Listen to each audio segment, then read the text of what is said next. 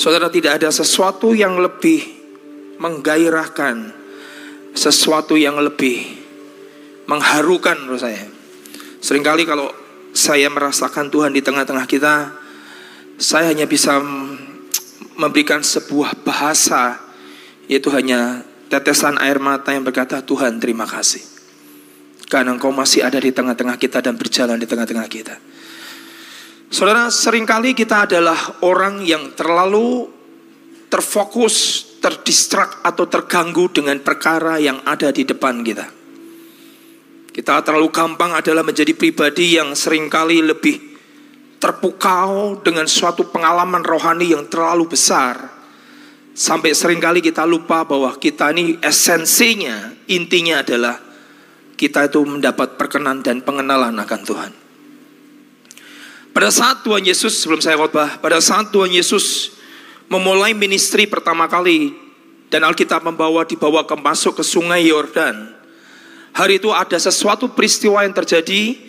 Tuhan Yesus belum berbuat apa pun, dia belum menyembuhkan orang sakit, belum membangkitkan orang mati, belum memberikan makan lima ribu orang atau berbuat apa pun berjalan di atas air.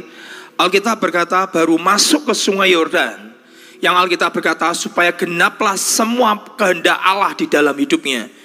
Begitu dia keluar, langsung dari langit terbuka dan semua orang mendengar inilah anakku yang kukasih kepadanya aku berkenan. Kalau saya mau tanya saudara, Tuhan Yesus berbuat apa? Di awal ministry dia memulai sebuah perjalanan ministry belum berbuat apa-apa. Bahkan air belum berubah menjadi anggur di kitab Yohanes. Hanya masuk ke dalam kolam baptisan dan kemudian dia bertanya kepada Yohanes, Yohanes pun tidak sanggup untuk membaptis Tuhan Yesus. Bahkan berkata, aku buka tali kasut kakimu, tali sepatumu aja nggak layak. Tapi ada satu perkataan yang Tuhan ucapkan kepada Yohanes supaya dia membaptis. Tuhan Yesus berkata, supaya genap semua kehendak Allah di dalam hidupku. Begitu dia masuk ke dalam air dibaptis oleh Yohanes, kehendak Allah genap. Di situlah surga memberikan sebuah pujian. Ini anakku yang kau kasih kepada yang kau berkenan. Sering manusia lebih peduli pujian kata orang daripada apa kata Tuhan. Sering manusia ingin dicatat oleh manusia daripada dicatat oleh sorga. Sering kita mencari perkara yang di depan mata physically daripada perkara yang tidak kelihatan. Saudara, kalau saudara baca ayat perikop itu pada saat Tuhan Yesus keluar dari sungai Yordan, saya belum kota nih. Keluar dari sungai Yordan, dia keluar dengan sebuah pengakuan itu surga itu buka dan semua orang yang ada di kolam Yordan itu mendengar Bapak berguntur karena suara Bapak sering kali muncul dalam bentuk sebuah guntur, sebuah thunder atau sebuah halilintar keras sekali menggema dan semua orang mendengar. Inilah anakku yang kukasih kepadanya aku berkenan. Pertanyaan saya, apakah setan tidak dengar? Setan mendengar. Tapi kalau saudara baca perikop berikutnya apa yang terjadi? Dan roh kudus leads membawa Tuhan Yesus masuk ke padang gurun. Seringkali roh kudus itu tidak pernah memaksa. He not push. Dia tidak mendorong, dia tidak memaksa. He leads. Dia memimpin. Kalau saudara mau dipimpin ya monggo. Nggak mau dipimpin ya monggo. Itu Holy Spirit.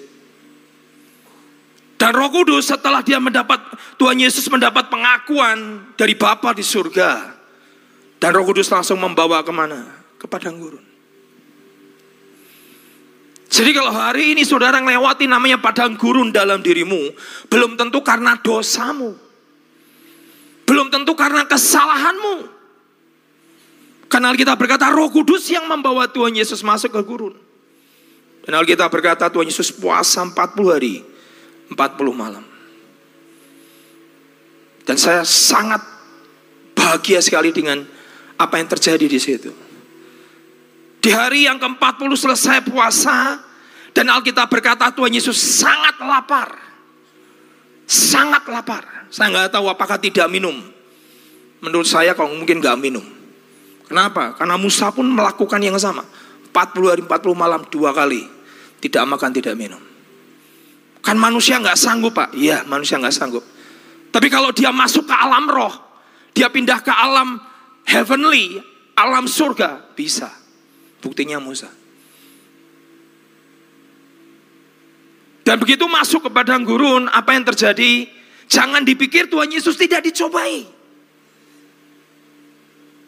Padahal dapat pengakuan, Bapak deklarasi, seluruh orang mendengar, surga mendengar, setan mendengar, masuk ke gurun dicobai. Dan pencobaannya cukup gila dan berkata, kalau engkau anak Allah, ubah batu ini jadi roti. Pertanyaan saya, apakah setan tidak dengar? Pada saat Bapak berkata, inilah anakku yang kukasih. Pengalaman rohani tidak bisa dijadikan sebuah basic. Dasar. Sesuatu yang spektakuler itu belum tentu bisa membuat setan undur dalam hidup saudara.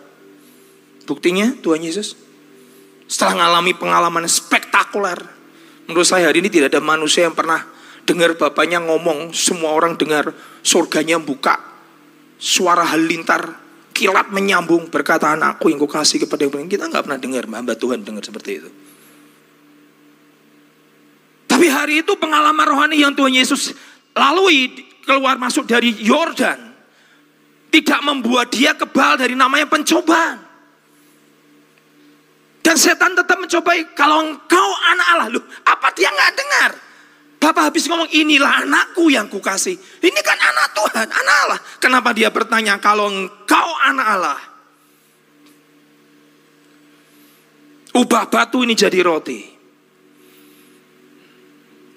Saudara perhatikan, apa yang Tuhan Yesus lakukan. Tuhan Yesus bisa berkata, setan, kamu nggak dengar Bapak ngomong apa? Barusan dia ngomong 40 hari 40 hari yang lalu. Surga mendeklarasi aku nih anak Allah kepadanya aku nih diperkenan. Apa kamu nggak dengar? Enggak, enggak. Apa yang Tuhan Yesus ucapkan? Ada tertulis. Manusia hidup bukan dari roti. Dari setiap firman yang keluar dari mulut Allah. Seorang pribadi Tuhan Yesus pun dia bergaul dengan firman. Padahal dia adalah firman itu sendiri. Setan tidak akan pernah bisa mundur dalam hidup Tuhan Yesus. Sampai tiga kali Tuhan Yesus berkata, ada tertulis, manusia hidup bukan dari setiap roti, tapi setiap firman yang keluar dari mulut Allah. Ada tertulis, sembahlah Tuhan Allahmu. Ada tertulis, jangan mencobai Tuhan Allahmu. Selalu memakai kata, ada tertulis, ada tertulis, ada tertulis. Dan Alkitab berkata, setan mundur mencari waktu untuk bisa mencobai lagi. Kalau engkau orang Kristen tidak bergaul dengan firman, kau akan disesatkan. Pengalaman rohani bukan dasar. Kita harus punya namanya pengalaman rohani. Tapi pengalaman rohani bukan dijadikan dasar sebagai kebenaran. Kebenaran itu siapa? Firman. Pribadi Tuhan Yesus berkata, ada tertulis, ada tertulis, dan ada tertulis. Dan setan juga bisa mengutip, ada tertulis. Kalau engkau jatuhkan tubuhmu dari bait Allah ini, malaikat akan menatang engkau. Kita harus menjadi orang yang bergaul dengan firman. Karena firman itu adalah pribadi Tuhan Yesus sendiri. Amin. Hari ini saya ingin sampaikan sesuatu yang mungkin menurut saya sulit. Saya sudah, saya ini sudah renungkan, saya sudah inkubasi nih, istilahnya saya sudah mengeram, misalnya saya arami firman ini cukup lama, hampir sebulan lebih. Setiap kali saya naik mimbar, saya mau sampaikan, nanti gereja, nanti jemaat salah ngerti. Sampai suatu kali saya berkata Tuhan kasih penjelasan yang lebih detail lagi. Supaya saya bisa menyampaikan tapi nggak salah ngerti. Supaya saudara ngerti bahwa di dalam kekristenan itu ada namanya tingkat. Besok kalau di surga itu nggak satu flat, satu satu apartemen flat semua putih semua. No, no, no, no, no. Yang martir nanti dijadikan satu dengan yang penjahat sebelah kanan Yesus yang dihukum karena dosanya kemudian bertobat last minute dijatuhkan satu lantai dengan para martir enggak akan. Dia bukan Tuhan yang seperti itu, dia Tuhan yang adil. Perbuatan kita itu akan mengikuti. Tapi ini firman akan sangat sulit kalau saudara nggak dewasa, akan sulit. Tapi kalau saudara cukup dewasa mengerti firman ini, saudara akan ngerti dan saudara akan berkata, betul, Sampai saya suatu kali saya pernah sampaikan firman ini dan salah seorang dari mungkin beliau lagi streaming di Surabaya, dia telepon saya pribadi cari saya. Dan dia ngomong sama saya gini, Pak, aku cari pendeta, saya ngobrol tentang yang Bapak sampaikan. Dan tidak ada satupun yang ngerti. Tapi hari ini saya mau diskusi sama Bapak. Di dalam diskusi itulah, akhirnya hari ini saya ingin menyampaikan kepada saudara. Apa itu Pak? Mari kita buka bersama di kitab Ibrani pasal yang 4 ayat 1 sampai ayat yang ke-11 atau 13. Ini ayat saudara perhatikan per kalimat. Ini akan sangat bagus sekali, saudara kalau tahu. Lihat ayat ini baik-baik, saya bacakan buat saudara. Saya buka dulu Alkitab saya. Ibrani pasal yang keempat. Ayat yang pertama sampai ayat yang ke 13. Sebab itu baiklah kita waspada jangan ada seorang di antara kamu yang dianggap ketinggalan. Sekalipun janji akan masuk ke dalam perhentiannya masih berlaku. Ingat ya, kata perhentian, rest. Itu janji Tuhan. Dua, karena kepada kita diberitakan juga kabar kesukaan sama seperti kepada mereka, tetapi firman pemberitaan itu tidak berguna bagi mereka. Ini bicara tentang orang Israel jasmani. Karena tidak bertumbuh bersama-sama oleh iman dengan mereka yang mendengarnya. Jadi Israel jasmani ini gagal masuk tempat perhentian. Rasul Paulus coba memberikan sebuah penjelasan kepada Israel rohani. Kita ini Israel rohani. Jangan sampai kita gagal seperti Israel jasmani. Ayat 3. Niat penting, saudara garis bawahi. Sebab kita yang beriman, kita ini punya iman di dalam Yesus, akan masuk ke tempat perhentian. Saya nggak pernah dengar khotbah ini. Kita ini akan masuk namanya come to the rest. Masuk dalam tempat istirahat. Seperti yang ia katakan, Alkitab berkata ini ngomong kepada orang Israel, sehingga aku bersumpah dalam murkaku Tuhan ngamuk di dalam murkanya, mereka Israel tidak akan masuk ke tempat perhentianku. Jadi ada orang orang Israel 3 juta itu nggak masuk tempat perhentian hanya dua Kaleb dan Yosua. Dan Israel jasmani itu bayang-bayang kita loh saudara. Jangan mikir kalau Israel jasmani tidak bisa masuk, kita bisa masuk. Belum tentu. Ini contoh buat kita. Lihat ayat ini baik-baik. Sehingga aku bersumpah dalam murkaku, mereka tak akan masuk ke tempat perhentianku. Ini ayat yang perlu digarisbawahi, lihat ya ayat ini. Sekalipun pekerjaannya, lihat kata-kata ini. Sekalipun pekerjaannya Tuhan sudah selesai. Sejak kapan? Dunia dijadikan. Loh, sudah Pak. Sejak membuat bumi, sudah. Ingat ya, cara mikir saudara bukan cara mikir Tuhan. Kalau saudara mikir pakai pikiran manusia jasmani, nggak akan ngerti. Alkitab berkata apa? Pekerjaan Tuhan dalam hidup kita sudah selesai sejak dunia dijadikan. Empat, sebab tentang hari ketujuh pernah dikatakan dalam suatu nas, dan Allah berhenti pada hari ketujuh dari segala pekerjaannya. Dan dalam nas itu kita baca mereka tak akan masuk ke tempat perhentianku. Jadi sudah jelas bahwa ada sejumlah orang akan masuk ke tempat perhentian itu, sedangkan mereka yang kepadanya lebih dahulu diberitakan kabar kesukaan itu tidak masuk. Kenapa tidak masuk? Karena ketidaktaatan mereka. Ketaatan itu absolut. Mutlak dibutuhkan Tuhan. Israel tidak masuk karena apa? Ketidaktaatan. Tujuh. Sebab itu ia menetapkan pula suatu hari yaitu hari ini ketika ia setelah sekian lama berfirman dengan perantaran Daud supaya dikatakan di atas pada hari ini jika kamu mendengar suaranya janganlah keraskan hatimu. Delapan sebab kata andai kata Yosua telah membawa mereka masuk ke tempat perhentian lihat yang membawa masuk siapa? Yosua. Tempat perhentian pasti Allah tidak akan berkata-kata kemudian tentang suatu hari lain jadi masih tersedia suatu hari perhentian, hari ketujuh bagi umat Allah. Sebab barang siapa telah masuk ke tempat perhentiannya, ia sendiri telah berhenti dari segala pekerjaannya sama seperti Allah. Berhenti dari pekerjaannya. Garis bawah kata itu. Karena itu baiklah kita berusaha, berusaha, lihat baik-baik, berusaha untuk masuk ke dalam tempat perhentian itu supaya jangan seorang pun jatuh karena mengikuti contoh ketidaktaatan itu juga. Tempat perhentian itu bukan mati. Bukan mati. Restnya Tuhan. Itu bukan mati. Bukan rest in peace. Bukan. Ini tempat perhentian. Lihat 12. Kita loncat langsung ayat yang ke 13 dan tidak ada satu makhluk pun yang tersembunyi di hadapannya sebab segala sesuatu telanjang dan terbuka di depan mata Tuhan yang kepadanya kita harus memberikan pertanggungjawaban. Saudara, ini sulit tapi ada sebuah janji kita akan masuk ke tempat namanya perhentian Tuhan. Saya kasih analogi buat saudara supaya saudara ngerti Kenapa? Bahwa Tuhan sudah menyelesaikan pekerjaannya sejak dunia dijadikan. Sebelum saudara lahir, papa mamamu belum nikah, Tuhan sudah ngerti pekerjaannya sudah selesai menurut ayat yang ketiga sejak dunia dijadikan.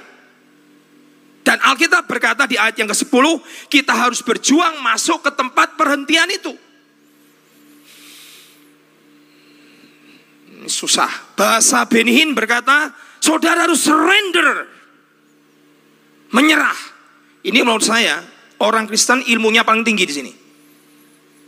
Bahasanya Pak Yusak berkata, gliding way. Kalau bahasanya Pak Agung berkata, come to his rest. Masuk dalam tempat perhentiannya. Maksudnya apa Pak? Saya kasih analogi dulu. Tuhan menciptakan hari yang pertama. Pertanyaannya adalah begini. Apakah manusia diciptakan hari yang pertama? Tidak. Kemudian Tuhan menciptakan pada hari yang kedua. Jadilah A, B, C, D, E, F, G. Saya lupa apa itu. Sudah buka kitab kejadian pasal 1. Apakah manusia diciptakan hari yang kedua? Tuhan menciptakan hari yang ketiga. Bintang dan segala macam binatang segala. Apakah manusia diciptakan hari ketiga? Hari keempat, hari yang kelima, apakah manusia diciptakan di hari yang pertama sampai kelima? Tidak. Pertanyaan saya, kenapa? Kenapa manusia tidak diciptakan dari pertama, Pak? Kan nanti bisa kasih usul sama Tuhan. Tuhan, sebetulnya itu bintang tuh tambahi begini sedikit Tuhan. Loh, usul saudara itu yang gawat. Kalau orang Jawa ngomong enak, kita tinggal di Jawa Tengah enak. Manusia tuh ngurusoi Tuhan. Makanya kita berkata, work, pekerjaan itu belong to me. Usaha, pekerjaan, karya, itu Tuhan yang melakukan. Nggak ada urusannya sama manusia.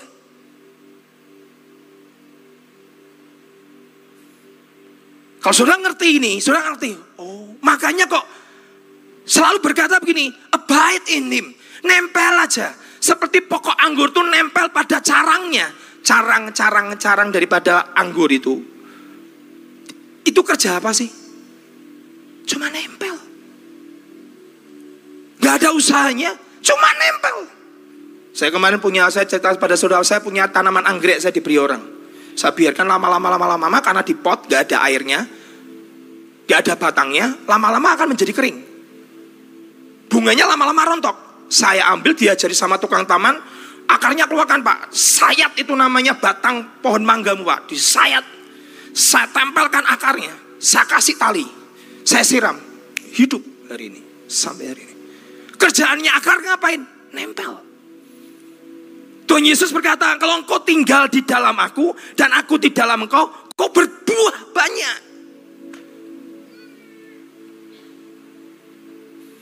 Manusia tidak pernah diciptakan di hari yang kelima, ke satu sampai kelima. Dia diciptakan hari ke berapa Pak? Enam. Setelah apa Pak? Setelah semuanya siap.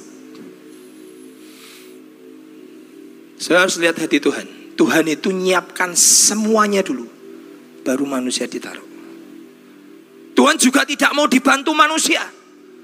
Tuhan juga tidak mau di, di, ditolong sama manusia. Tuhan mau apa? Kemuliaan itu milikku. Aku nggak mau bagi kemuliaanku kepada manusia sedikit pun. Supaya mereka tidak mencuri kemuliaan. Jadi tinggal kita apa Pak? Ya blinding tadi. Ya rest tadi. Ya nempel tadi. Ya melekat tadi. Kenapa sih Pak manusia tidak ciptakan hari pertama? Ngurusoi. Soalnya ingat baik-baik, itu ada sifat dalam diri kita, termasuk saudara saya. Kita sukanya ngurusoi Gusti Allah. Padahal tugas kita apa Pak? Percaya, kasih dia, sembah dia, muliakan dia. That's it. Oh berarti manusia nggak boleh kerja Pak? Kerja nggak kerja nggak makan kata Alkitab. Makan kan susah. Khotbah gini itu susah. Pak Hengki ngajar kita suruh nganggur semua. Itu ngawur lagi. Yang saya maksud adalah terhadap pekerjaan Tuhan, tangan Tuhan yang sedang merenda, yang sedang berkarya dalam dirimu itu, nggak usah dirusoi. Biarkan dia bekerja, nanti kamu akan lihat buahnya. Lihat tugas kita apa? Percaya saja. Cintai dia. Dan hari itu Tuhan berkata kepada Adam dan Hawa. Kepada Adam dia bicara. Semua tanaman boleh kau makan. Saudara bayangkan, orang Alkitab, ini, ini saudara boleh debat, saudara boleh nggak percaya. Saya dengar cerita ini dari orang kudus di abad 12. Diangkat Tuhan, lihat vision. Pak saya nggak percaya karena nggak ada Alkitabnya. Nggak apa-apa, ini saya mau kasih analogi aja, tapi saya percaya. Orang ini diangkat Tuhan lihat vision, dilihatkan tentang kitab kejadian. Terus apa yang dia lihat? Ternyata di, menurut dia bisa salah bisa benar. Ini namanya cerita orang, tidak bisa dijadikan sebagai kebenaran. Menurut dia, yang dia lihat itu manusia bukan seperti satu ayat, kemudian diciptakan Tuhan, terus dia berbuat dosa. Bukan. Dia lihat itu jalan tujuh tahun sama Tuhan, tujuh tahun. Jadi ngobrol sama binatang itu biasa. Karena manusia masih hidup hidup tidak hidup dalam dosa, dia ngobrol sama binatang. Makanya Hawa ngobrol sama ular. Kalau hari ini anjing saya bicara, saya shock karena anjing nggak pernah bicara. Tapi zaman itu, zaman Adan dan Hawa tujuh tahun jalan dengan Tuhan, sebelum jatuh dalam dosa, itu ngobrol, tanaman ngobrol, rumput bicara, semua memuji Tuhan. Rumput pun memuji Tuhan, itu biasa. Dan hari itu Tuhan tiba-tiba berkata kepada Adam berkata, semua boleh engkau makan, tapi tentang buah pengetahuan tidak boleh. Kenapa saudara? Saya baru ngerti arti dalamnya. Karena itu adalah dosa mencabut pohon. Wah itu apa Pak? Nanti mumet lah, tidak usah dijelasin dulu. Itu adalah bahasa gampang. Itu adalah engkau nyentuh otoritas Tuhan.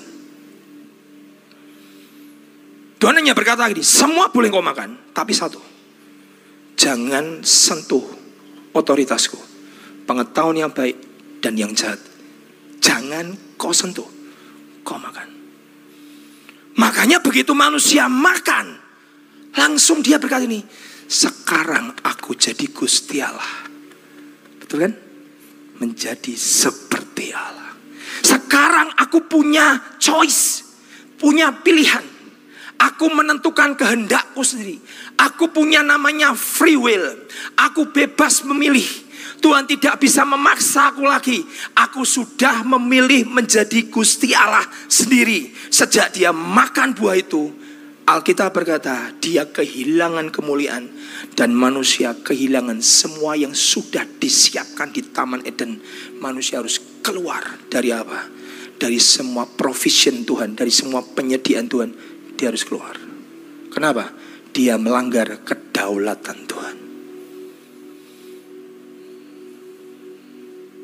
Nanti kalau saudara baca, terkutuklah tanah.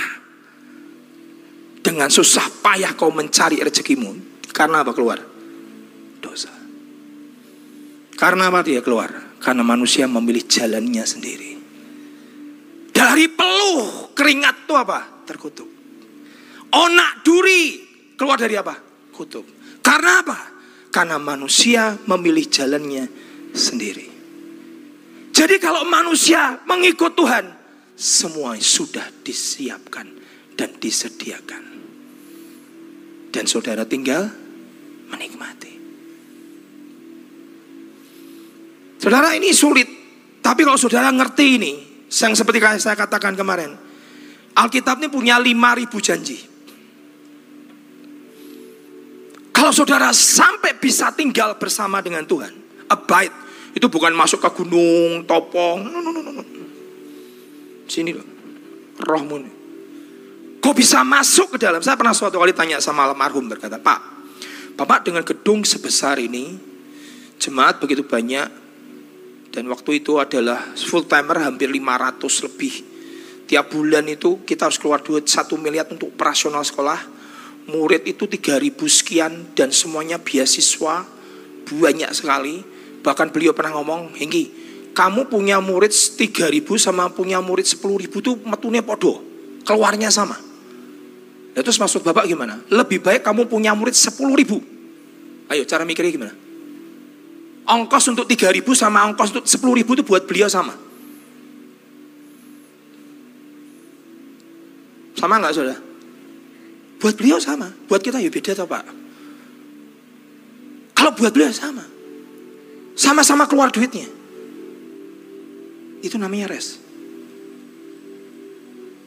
Kau nggak ngitung, kau nggak ngerti. Jadi gimana Pak? Cari murid sampai 10 ribu. Dari hulu sampai hilir, TK sampai lulus. Saya tanya sama beliau, waktu itu saya masih ingat, kami pulang dari nonton bioskop. Saya tanya, Pak,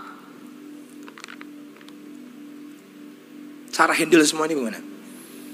Dia ucap satu kata, kalau kamu masuk res, kamu akan tenang dan kamu akan handle semua tanpa ada ketakutan. Ini bukan nganggur, bukan. Beliau nggak pernah nganggur. Ini bukan orang yang foya-foya kemudian diam-diam saja kemudian berkat jatuh turun dari langit, bukan. Ini bukan hypergrace. Saya anti hypergrace. Ini adalah orang yang menemukan tempat perhentian. Saudara ngerti? Manusia kerja itu di hari hari yang keberapa? Hari yang ketujuh. Manusia ciptakan hari yang keenam. Manusia mulai kerja di hari yang keberapa? Hari yang ketujuh. Hari yang ketujuh itu hari apa? Resnya Tuhan. Jadi dari desain di awal, manusia hari pertama kali kau masuk dalam masamu itu adalah res. Hari perhentian. Hari yang ketujuh. Tapi karena sifat dosa, ingin engkau pegang otoritas, engkau independen. Sejak orang berkata, aku mau independen, aku mau, aku mau lakukan apa yang aku suka. Sejak itulah engkau jauh dari namanya penyediaan Tuhan. Saya kasih analogi cerita. Anakmu dari nol sampai saudara anakmu sebelum menikah nih Indonesia. Dia akan hidup dalam lingkungan orang tuanya. Kalau orang tuanya kaya raya, anakmu akan nikmati semua fasilitas yang orang tuanya punya. Anakmu nikmati. Tidak perlu sampai bertanya, berkata apa-apa. Aku mohon berikan aku makan pada hari ini. Gak perlu. Kue anak esoponang akan ditanya. Dia akan ngambil makan, dia akan ke kulkas, dia ambil kunci, dia akan pergi selama dia masih dalam naungan orang tua. Betul dalam kedaulatan orang tua. Tapi begitu anakmu sudah mulai mau menikah, dia punya istri, dia keluar rumah, dia mau independence, dia mau berdiri sendiri, dia memilih jalannya sendiri. Sejak itu orang tua sudah tidak boleh ikut cawe-cawe dengan anaknya. Sejak itu dia akan keluar keringat, dia akan keluar usaha, dia akan berjuang, dia akan melakukan segala sesuatu untuk bisa melakukan semuanya. Anak umur 18 di Amerika, 18 ngomong, mama aku keluar. Dan orang tua tidak boleh nahan. Anak ini akan cari kos, anak ini akan cari fakultas, anak ini akan cari sekolah, anak ini akan cari college, anak ini akan kerja di luar. Dia berkata, aku independen. Orang tua tidak boleh melarang aku umur 18 di Amerika, aku boleh keluar. Tapi sejak dia independen, apa yang keluar? Keringat. Usaha sendiri. Kerja keras. Effort. Struggle. Bergulat. Karena dia keluar dari penyediaan orang tuanya.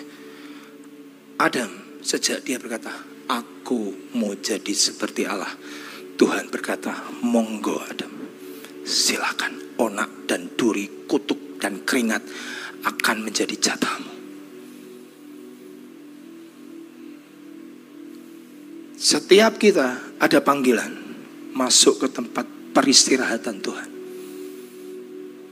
Dan ini disediakan buat setiap kita. Saya teruskan. Jangan pernah bantu Tuhan. Selama Abraham itu struggle dengan pingin punya anak terus. Dia nggak pernah bisa masuk. Dia nggak pernah dapat punya anak.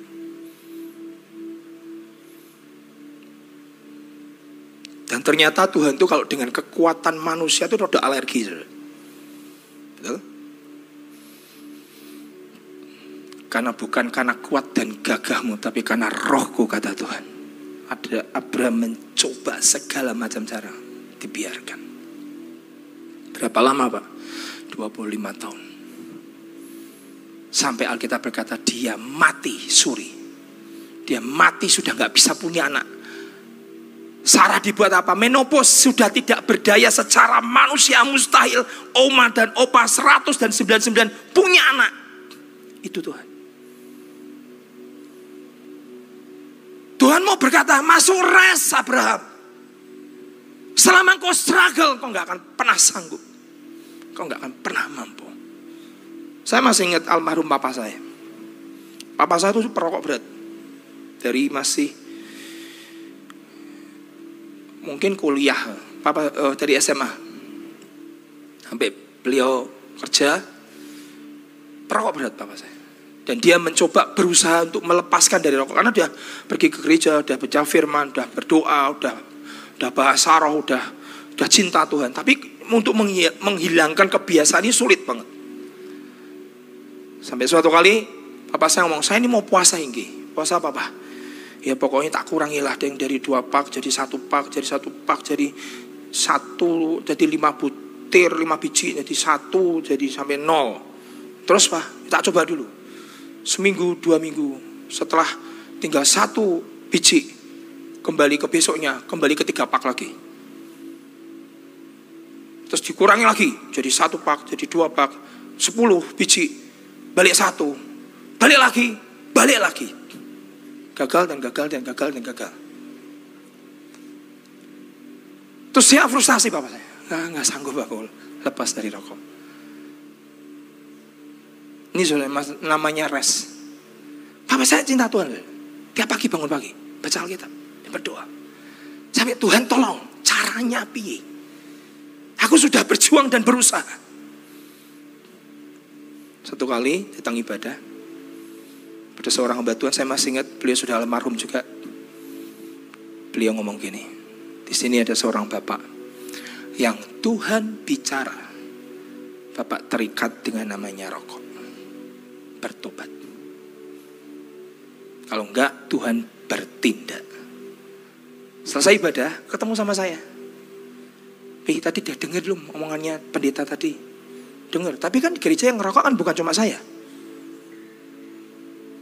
Betul? Tidak usah pura-pura. Berarti kan itu kan general.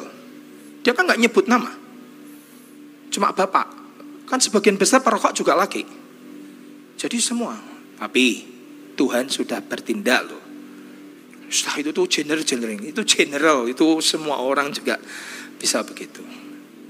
Next day, hari berikutnya. Tapi saya pulang kantor. Sudah tahu sih? Bibirnya merot. Klak.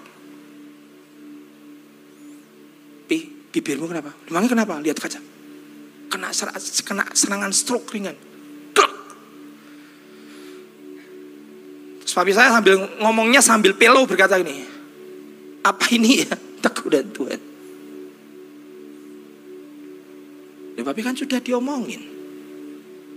Begitu dia klak, sudah, sudah tahu. Berhenti total. Sampai beliau meninggal. Masa kita mau dibuat merah dulu? Klek gitu. Kan enggak. Sampai kita akan berkata Tuhan, Papa saya berkata ini karyamu. Kalau engkau nggak bertindak, aku juga nggak bisa. Tidak selalu bentuknya merot sih saudara. Tapi kalau bukan karena usahaku, tapi ini bukan karena aku nih, akan aku berpuasa, karena aku nih berdoa terus, karena aku nih hebat. No, kau betul-betul masuk ke rest Tuhan berkata, kalau bukan aku nggak bisa nak. Tapi kalau yang salah ngerti juga berkata, oh berarti kita santai-santai aja Pak, Wong aku masih berzina ya. Tetap selama Tuhan tidak berbicara ya pokoknya aku akan berzina terus. Oh enggak. Jangan sampai dibuat stroke seluruh tubuh saudara. Tapi saudara, masuklah ke tempat rest. Ada 5000 janji firman yang disiapkan buat kita. Dan di ayat yang ke-11 berkata, marilah dengan strive, dengan tekun masuk ke tempat perhentian itu. Kita lihat bersama-sama di ayat berikutnya saudara kita masuk ke Matius 6 ayat yang ke-33. Matius 6 ayat yang ke-33. Ingat ya, bahwa tidak ada bau keringat Tuhan itu. Imam besar kalau masuk ruang Maha Kudus bajunya nggak boleh ada keringetan. Kenapa Pak? Keringat itu bau kutuk. Lihat bersama-sama ini ayat akan sangat jelas buat saudara pada saat saudara lihat ini. Tetapi carilah Matius 6:33, tapi carilah dahulu kerajaan Allah dan kebenarannya. Maka semuanya akan ditambah. Sudah ngerti ayat ini? Berkali-kali dibaca. Berkali-kali dihafalkan. Sejujurnya ngalami, sejujurnya saudara mudeng enggak? Belum tentu. Alkitab jelas. Carilah dahulu kerajaan Allah dan kebenarannya. Yang dicari itu kebenaran Allah dan kerajaannya dan kebenarannya. Nanti semuanya akan diurus sama Tuhan. Pekerjaan adalah milikku. Karya adalah milikku, beban adalah milikku. Buanglah segala khawatirmu kepadaku. Aku yang memelihara engkau. Itu susah. Nature manusia inginnya berjuang, berusaha dan ingin berkeringat. Tapi Tuhan berkata apa? Cari dulu kerajaan Allah kebenaran, maka semuanya akan ditambahkan kepadamu. Tapi kenapa sekarang banyak manusia sering kali tidak bisa? Karena manusia tidak pernah mematikan daging. Kalau saudara belajar mematikan daging, mematikan daging, mematikan daging, saudara akan hidup dari berkat, bukan karena kutuk. Lihat kejadian 3 ayat 17 sampai 19. Ma, kejadian 3, 17, 19. Maka terkutuklah tanah karena engkau. Pada saat manusia. Dengan bersusah payah, engkau akan mencari rezekimu. Ini kutuk loh. Itu kutuk. Susah payah. Bapak saya susah payah Lihat baik-baik. Dengan bersusah payah engkau akan mencari rezekimu dari tanah seumur hidupmu. Semak duri, rumput duri yang akan dihasilkan bagimu. Betul Pak. Pekerjaan saya isinya cuma semak duri dan rumput duri. Yang dihasilkan bagimu. Dan tumbuh-tumbuhan di padang akan menjadi makananmu. Lihat nih. Dengan berkeringat, dengan berpeluh engkau akan mencari makananmu. Sampai engkau kembali menjadi tanah, karena di situlah engkau diambil sebab engkau debu dan engkau akan menjadi debu. Saudara, selama manusia hidup di luar Tuhan, kau akan sulit seperti yang Alkitab katakan hidup karena kutuk. Tapi sejak Tuhan Yesus memikul kutuk itu, termasuk semak duri di atas kepalanya, di dalam Yesus semuanya kembali lagi. Di dalam Yesus. Suatu kali saudara saya mau cerita ini saudara. Saya tadi pagi pada saat sedang persiapan tiba-tiba saya sebut namanya ya Om. Omnya ada di sini. Om ini Pak Bianto ini adalah uh, istilahnya staf gereja yang suka ngurusin kematian. Saudara. Dan beliau ini di saat usia 70 sekian sampai sekarang beliau ini sudah 76 ya. Betul ya Pak saya 76. Yang paling mengerikan itu adalah peristiwa Covid. 2019 akhir ya 2020 lah Indonesia masuk 2020 sampai 2022 dua tahun beliau ini adalah dengan usia 70 sekian datang semua lockdown semua bersembunyi di balik kamar opa ini bernama Kong Bianto keluar dan menghampiri penyakit-penyakit covid itu dan beliau setia sudah. Beliau setia loh. Makanya dulu ada orang pernah, wah pak, kalau nyanyi suaranya fals. Wah, hitungannya bukan suara fals kok ya saya. Beliau ini setia. Tidak ada mundurnya. Bahkan pendeta aja pada sudah kaku semua ini, ini mati covid loh, ini mati covid loh. Ini matinya covid loh. Sudah pakai APD semua. Apalagi yang delta, sudah kan tahu kan delta itu kan membunuhnya luar biasa itu. Jemaat kena 150 yang kena covid pak. Iya. Terus kita kasih perpuluhan ke Tuhan 15. Nama 12. Oh, 12. Nama 12. Ayatnya berkata gini. Berserulah dan bersorak-sorak hai penduduk Sion. Ini buat jemaat. Sebab yang maha kudus Allah Israel ada di tengah-tengahmu. Wow. Tuhan itu di tengah-tengah kita. Ini ngomong kong loh. Yang covid pun lewat loh. Saya nggak tahu maksudnya ayatnya apa yang Lo kong, baca dulu bawahnya dulu. Tuhan Allah di tengah-tengah. Tuhannya orang Israel di tengah-tengah. Saya dengar loh, mimpi sampai kebangun dengar jelas. Saya kasih, saya kasih cerita tentang kong satu ini. Kong Bianto namanya. Pada saat saya sedang bergulat ingin punya anak. Beliau ini sakit waktu itu bu, uh, telinganya tuh mendengung, suaranya keras mendengung. Dan hari itu beliau tidak bisa sampai mau seperti orang migrain atau vertigo itu beliau itu mau jatuh. Karena pakai kacamata juga silinder dia itu mau jatuh. Terus akhirnya dirawat di rumah sakit Elizabeth. Saya datang waktu itu. Datang saya mau berdoa buat engkong ini. Mau doakan kong yuk doa. Pada saat saya mau berdoa tiba-tiba beliau dengar audible telinga sebelah kanan ini saya istri saya belum hamil. Ngomong gini sama saya Enggi ya ya kong. Apa kong? Tuhan ngomong sama saya. Uh keren ya. Tuhan ngomong sama saya. Apa kong? Kamu akan punya anak laki dan kau kasih, kasih nama dia Daud David Davis. Amin kong. Jadi anak saya laki namanya David. Davis David itu sama. The Beloved. Dan hari ini beliau dengar Tuhan ngomong di telinga Yesaya 6 ayat 12. Tuhan Allah Israel ada di tengah-tengahmu.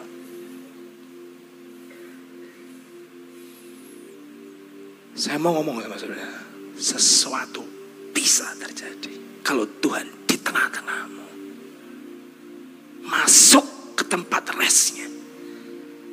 Saat saya struggle, struggle sama istri saya, struggle, struggle. Hanya satu perkataan untuk berkata, akan punya anak lagi. Dem, jadi. Tanpa usaha apa segala macam. Tuhan kasih. Selama engkau masih berjuang dengan keringatmu, usahamu, kekuatanmu, Tuhan tidak akan pernah turun tangan. Doamu sering kali nggak akan dijawab. Tapi pada saat kau masuk ke dalam rest Tuhan, Kau abide tinggal di dalam dia. Kau berkata Tuhan, pekerjaan engkau yang lakukan. Semua yang kau yang ngerjakan atas hidupku. Di situ saudara Tuhan akan berkata, Beni selalu berkata, menyerah dan rohnya kerja. Karena roh Tuhan tidak ingin nyampur dengan tangan manusia. Tuhan itu tidak mau dibantu. Saat COVID tahun 2020 bulan Maret bulan April atau Juni kita bangun ketiga gedung. Saya berkata begini, sebelum COVID masuk kita sudah rancang, sudah punya gambar, tiba-tiba COVID masuk, dem. Kita bangun sekolah, bangun bangun kantor, bangun sekolah, bangun rumah shalom. Hitungan saya berkata, wah gak mungkin. Duit gereja sedikit. Ini proyek M Caranya bagaimana? Enggak mungkin. Covid pertama kali masuk lockdown semua. Orang berkata, tahan tahan cash, tahan cash. Jangan keluarkan uang, tahan cash. Kita tidak pernah tahu Covid sampai kapan. Itu akan berjalan terus bertahun-tahun kita nggak pernah jelas, semua nggak jelas. Orang pada tutup masuk rumah, batuk aja pada kabur semua hari itu. Di awal-awal Covid, saya pertama kali Covid itu saya masuk, saya jalan di kota Semarang, sepi sudah, saya sepi. Masuk ke rumah sakit, saya masuk ke rumah sakit. Saya lihat sampai rumah sakit pun sepi semua. Semua takut terima pasien COVID di awal-awal. Saya jam 12 malam, jalan naik mobil di jalan, gara-gara saya nganter istri saya. Sepi semua. Saya bilang, ini kok kayak kota mati ya? Dan hari itu tiba-tiba Tuhan berkata, bangun gedung. Dan uangnya tidak seberapa.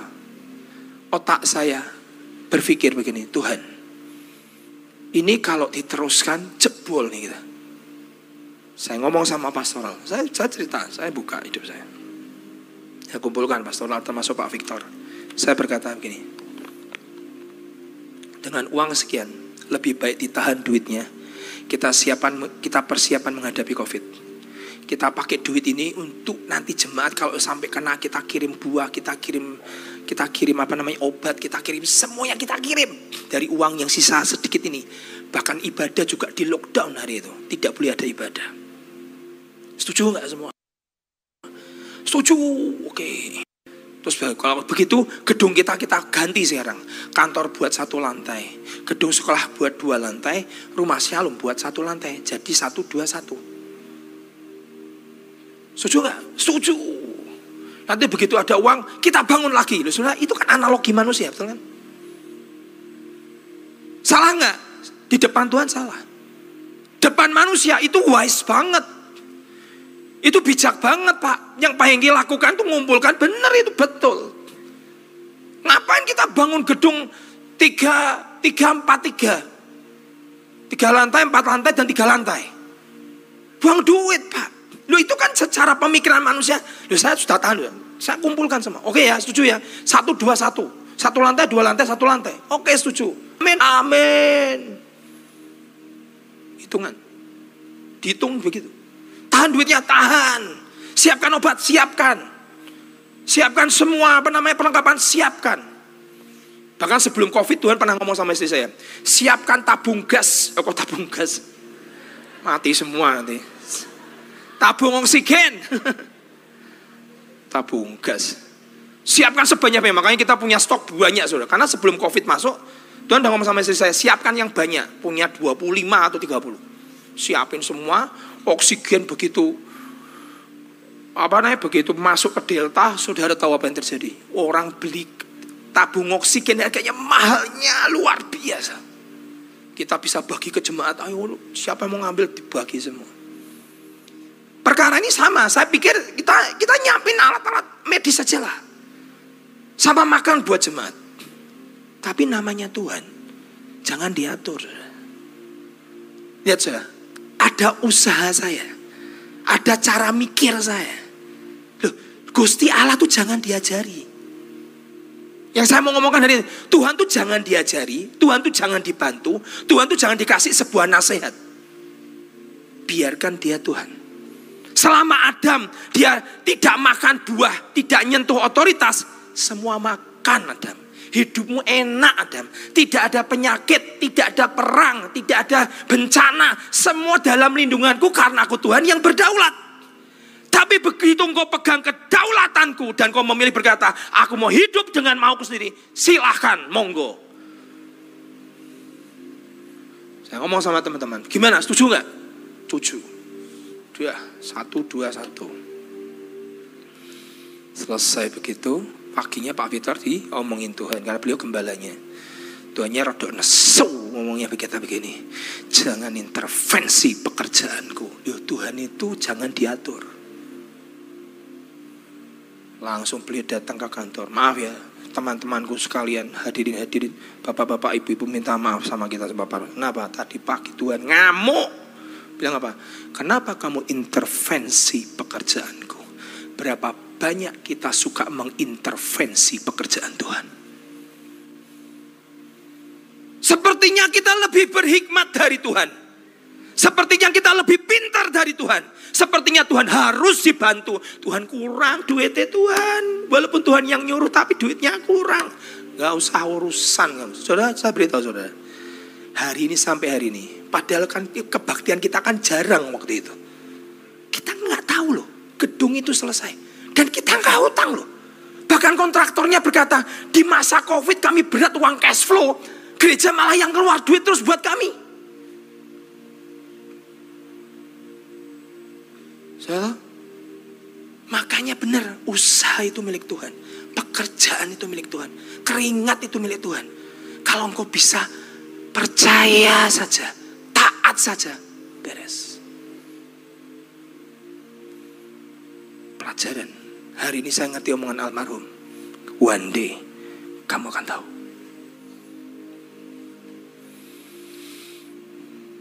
Anak TK diajarin pusing.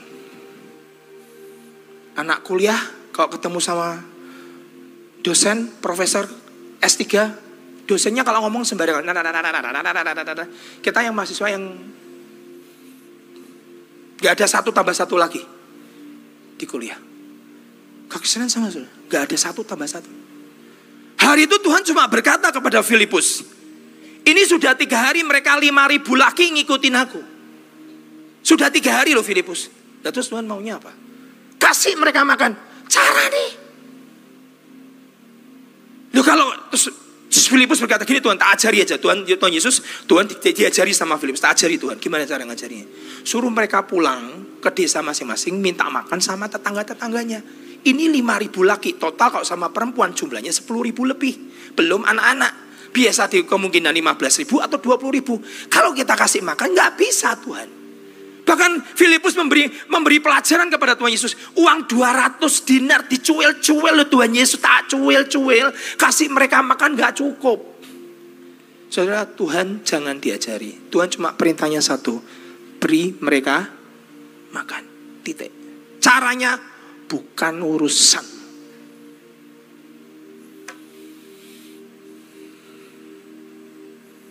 Hari itu Tuhan hanya butuh satu bejana yang tiba-tiba datang dan bernama Andreas bawa lima roti dan dua ikan. Tuhan Yesus, ini ada anak kecil nih bawa lima roti dua ikan. Bagus. Apa yang ada padamu hari ini? Saudara mungkin ngomong, Pak modal saya sedikit. Tuhan cuma berkata, apa yang ada padamu? Di tanganku. It means everything bisa membuat segalanya jadi luar biasa. Tuhan lima roti dua ikan untuk kasih makan lima ribu. Sini Andreas. Jangan jadi Kristen Filipus. Kau beri advice Tuhanmu. Kau mencoba membantu Tuhanmu. Jadilah seperti Andreas datang dengan kesederhanaan bawa anak kecil lima roti dua ikan. Ini Tuhan dah. Aku nggak tahu caranya bagaimana. Suruh kasih makan Tuhan ini lima roti dua ikan. Oke di tanganku. Semua berbeda. Sudah dengar? Saya suka perkataan ini. Kekristenan itu bukan buta. Kekristenan itu ada polanya. Di mana? Di Alkitab. Lihat ya. Ini peristiwa lima ribu. Tuhan kasih makan lima roti dua ikan untuk lima ribu. Pada saat Tuhan Yesus ketemu janda Sarfat apa yang ada padamu? Tepung segenggam Nabi. Kasihkan buat aku. Sudah tahu? Janda itu makan berapa lama di tengah kelaparan. Kita kan masuk masa kering kan nih. Tiga setengah tahun. Cuma gara-gara tepung yang ada di tangannya. Dia makan dan tidak kelaparan.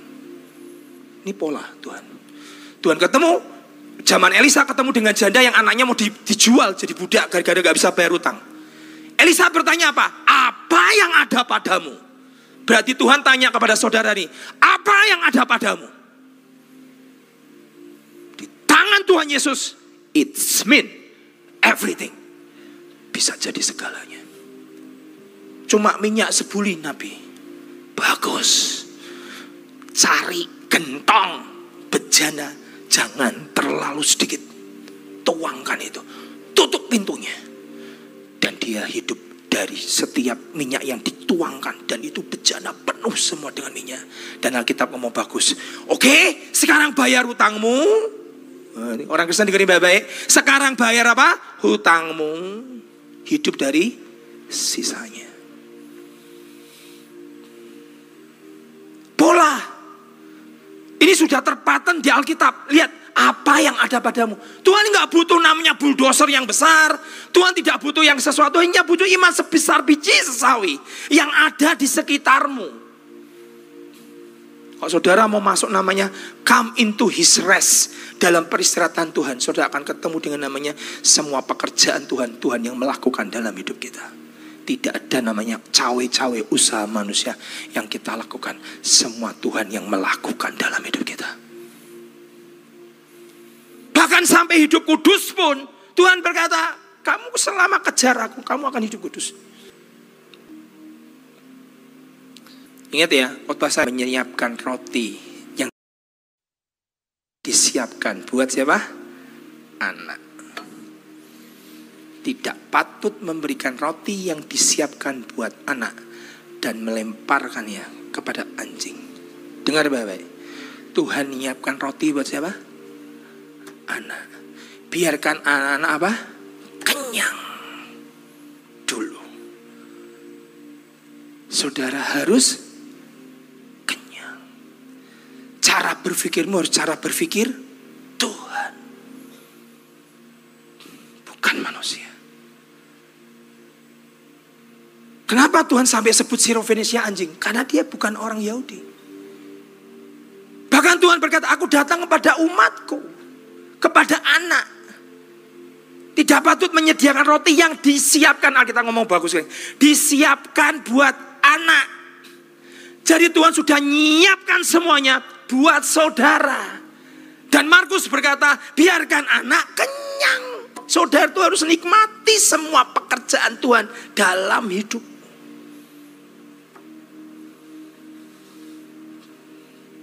Karena remah itu milik anjing, sisa itu milik anjing. Tapi orang Kristen kalau nggak ngerti siapa saudara dalam Tuhan, saudara akan jadi rugi. Matius 11 ayat 28 sampai 29. Marilah kepadaku semua yang labor, bahasa Inggrisnya itu labor, pekerja keras, yang letih lesu, yang bekerja keras dan berbeban berat. Aku akan memberikan kelegaan kepadamu. Bahasa Inggrisnya apa? I will give you rest. Semua yang letih, lesu, dan berbeban berat, aku akan memberikan kamu rest. Istirahat. Lihat ayat ini baik-baik. Pikulah kuku. Bahasa Indonesia kurang kata ku. Pikulah kuku yang kupasang dan belajarlah padaku. Karena aku Tuhan Yesus lemah lembut dan rendah hati. Dan Alkitab kata, dan jiwamu akan mendapat ketenangan. Take my yoke and I will gentle. I will give you rest to your soul. Jiwamu akan mendapat ketenangan. Tuhan berkata, datang kepadaku yang letih lesu, yang berbeban berat, aku akan memberikan kau istirahat. Pikulah kuk gandarku ini, kuku ini adalah kuk yang enak dan ringan, jiwamu akan mendapat ketenangan. Kalau saudara datangnya ke Yesus, saudara akan temukan ketenangan. Barang siapa tinggal di dalam aku dan firmanku tinggal di dalam dia, minta apa saja. Itu akan terjadi. Tapi banyak orang Kristen tidak suka bergaul dengan firman.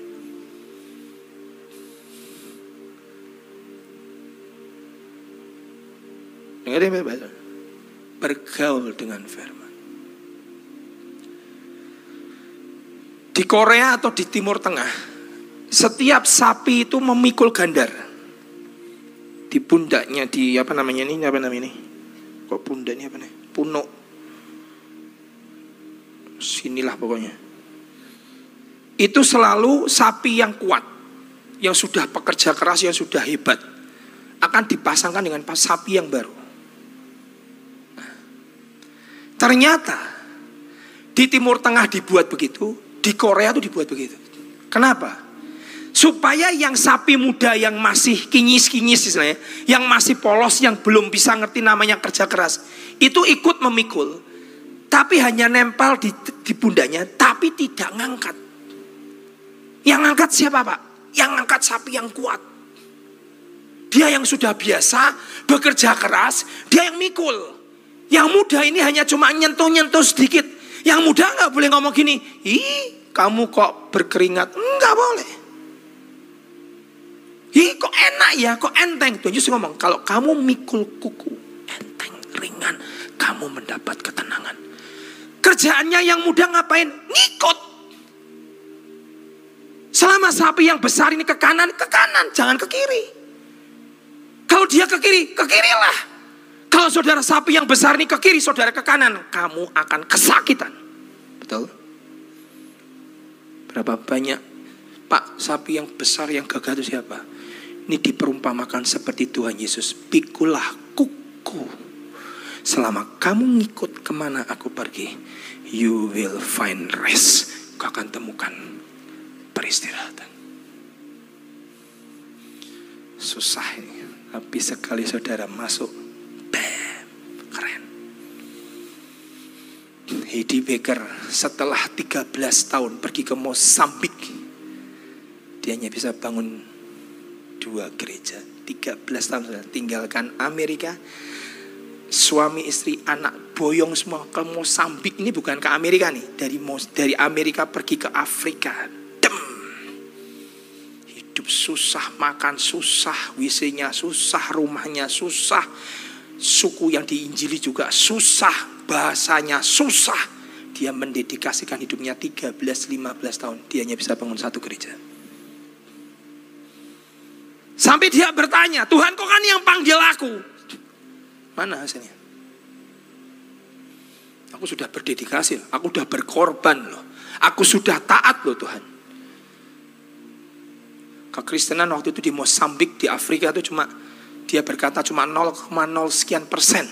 Isinya dia cerita, itu perang suku terus di Mosambik di zaman pertama kali Heidegger masuk itu isinya perang suku, bunuh-bunuhan. Orang itu dibunuh di mana-mana kacau luar biasa perang suku. Sampai dia Tuhan, tidak tahan aku. Hidup di tengah bangsa yang seperti ini biasa enak di Amerika. Jadi seperti ini, saya bawa suami, bawa anak loh Tuhan. Sampai Tuhan berkata, pergi nak ke Toronto. Dem. Sampai di Toronto, dilawat Tuhan Tujuh hari geletak. Bakti yang geletak tujuh hari. Semua pada pulang, dia di situ di papa tidur di rumahnya. Besok pagi masih terhadap terbaring di situ. Di gerejanya dia nggak pergi mana, di gereja. Pak di papa pergi ke toilet kasih makan. Tujuh hari itu. Betul-betul ini saudara ibu ini bukan ibu nggak kerja keras loh. Dia berkata, aku sampai nggak pernah punya waktu untuk istirahat tiap hari kumpulin anak-anak, ngotbahi mereka, nyembahingi mereka semua. Tapi aku tidak pernah bisa tembus namanya kekristenan di Mozambik. Berat. Waktu aku tidur cuma dua jam tiap hari. Ada orang sakit kadang harus masuk penjara. Diteror sama orang-orang suku-suku. Pernah ditodong begini sama para ekstremis. Minta uang Ibu ini bukan orang tidak bekerja, pekerja keras hebat luar biasa. Berkali-kali mau dibunuh kena penyakit, mau mati berkali empat kali kena penyakit kalau tidak disembuhkan Tuhan dia berkata aku mati sudah. Empatnya penyakit akut semua. Sampai suatu kali aku masuk dalam res tidur dalam hadirat Tuhan tujuh hari bangun Tuhan bagaimana balik nak balik kembali ke Mozambik. Mulai lagi, das. Sudah tahu? Dalam waktu satu tahun, dia lahirkan 500 gereja. Dalam waktu satu tahun, kekristenan cuma 0,0 persen. Jadi berapa? 53 persen. Kok bisa Pak? Tinggal di dalamku dan aku di dalam engkau dan kau akan berbuah lebat. Dia tak ditanya, sekarang ngapain? Ya isinya saya nyembah Tuhan, saya pergi ke bangsa-bangsa khotbah. Tapi itu sekarang orang mati pada bangkit semua di Mosambik, orang pada bertobat semua. Bukan saya yang doakan, itu hanya para pekerja-pekerjaku. Sampai kapan? Sampai engkau masuk dalam restnya Tuhan. Di situ kau akan lihat buahmu akan sangat lebat. Karena siapa Ibu Edi? Tuhan. Usahamu? Tuhan. Kamu berbuat apa? Tuhan. Ngapain? Nginjil? Ya iya, tapi Tuhan. Saya sudah coba 13 tahun, 15 tahun gak ada hasil. Amin. Saya, saya, saya berdoa, sudah tanggap ini. Susah. Tapi cerna pelan-pelan. Saya close dengan cerita ini. Saya tahu gereja terbesar di dunia. Waktu itu, Yonggi Dia sudah punya jemaat 750 ribu, saya nggak bisa bayangin. Jemaat 750 ribu itu caranya piye? Pegawai 3 ribu, punya universitas, punya gunung doa, datangkan anak-anak dari dunia ketiga datang ke Korea Selatan dibayar tiket pesawatnya, bayar rumah sakitnya, bayar operasi jantungnya. Zaman itu masih belum ada digital kayak HP, dia harus buat rumah dia harus buat surat kabar pertama kali di Korea Selatan. Dan habisnya million dollar, jutaan dolar. Pegawainya profesional semua, duitnya keluar sangat banyak. Aku harus gaji 3000 pegawaiku, gaji surat kabar, operasional universitas, operasional rumah sakit, operasional sekolah SMK, operasionalku banyak. Tiap malam aku tidak bisa tidur, dokter Jo. Istriku di sebelah tidur ngorok. Dua minggu aku nggak bisa tidur. Setiap kali mau datang masa gajian, aku tidak bisa tidur. Sampai suatu kali di tengah dia di tengah malam sudah nggak bisa tidur. Dia mikir besok gajinya bagaimana, bayarnya piye, operasional universitas bagaimana, rumah sakitnya bagaimana, 3000 pegawai aku bayarnya gimana. Tuhan datangi berkata, "Co, ya Tuhan, kenapa engkau nggak bisa tidur?" Mikir Tuhan, mikir apa, Co? Besok gajinya gimana Tuhan? Terus Tuhan tanya sama dokter Joe, yang nyuruh kamu bangun gedung gereja 10 ribu siapa? Engkau Tuhan. Yang nyuruh kamu punya jemaat 750 ribu siapa? Engkau Tuhan. Yang nyuruh aku kau bangun universitas siapa? Engkau Tuhan. Yang nyuruh aku bangun bangun surat kabar siapa? Engkau Tuhan. Yang nyuruh bawa anak-anak 2000 dari dunia ketiga datangkan ke Korea Selatan di operasi jantung. Yang nyuruh siapa, Jo? Engkau Tuhan. Nah terus, kok pusing? aku kalau Tuhan tidak nyuruh kamu aku nggak bertanggung jawab. Ya tapi kan ya harus mikir toh Tuhan. Rasa mikir. Ya tapi kan nggak bisa Tuhan.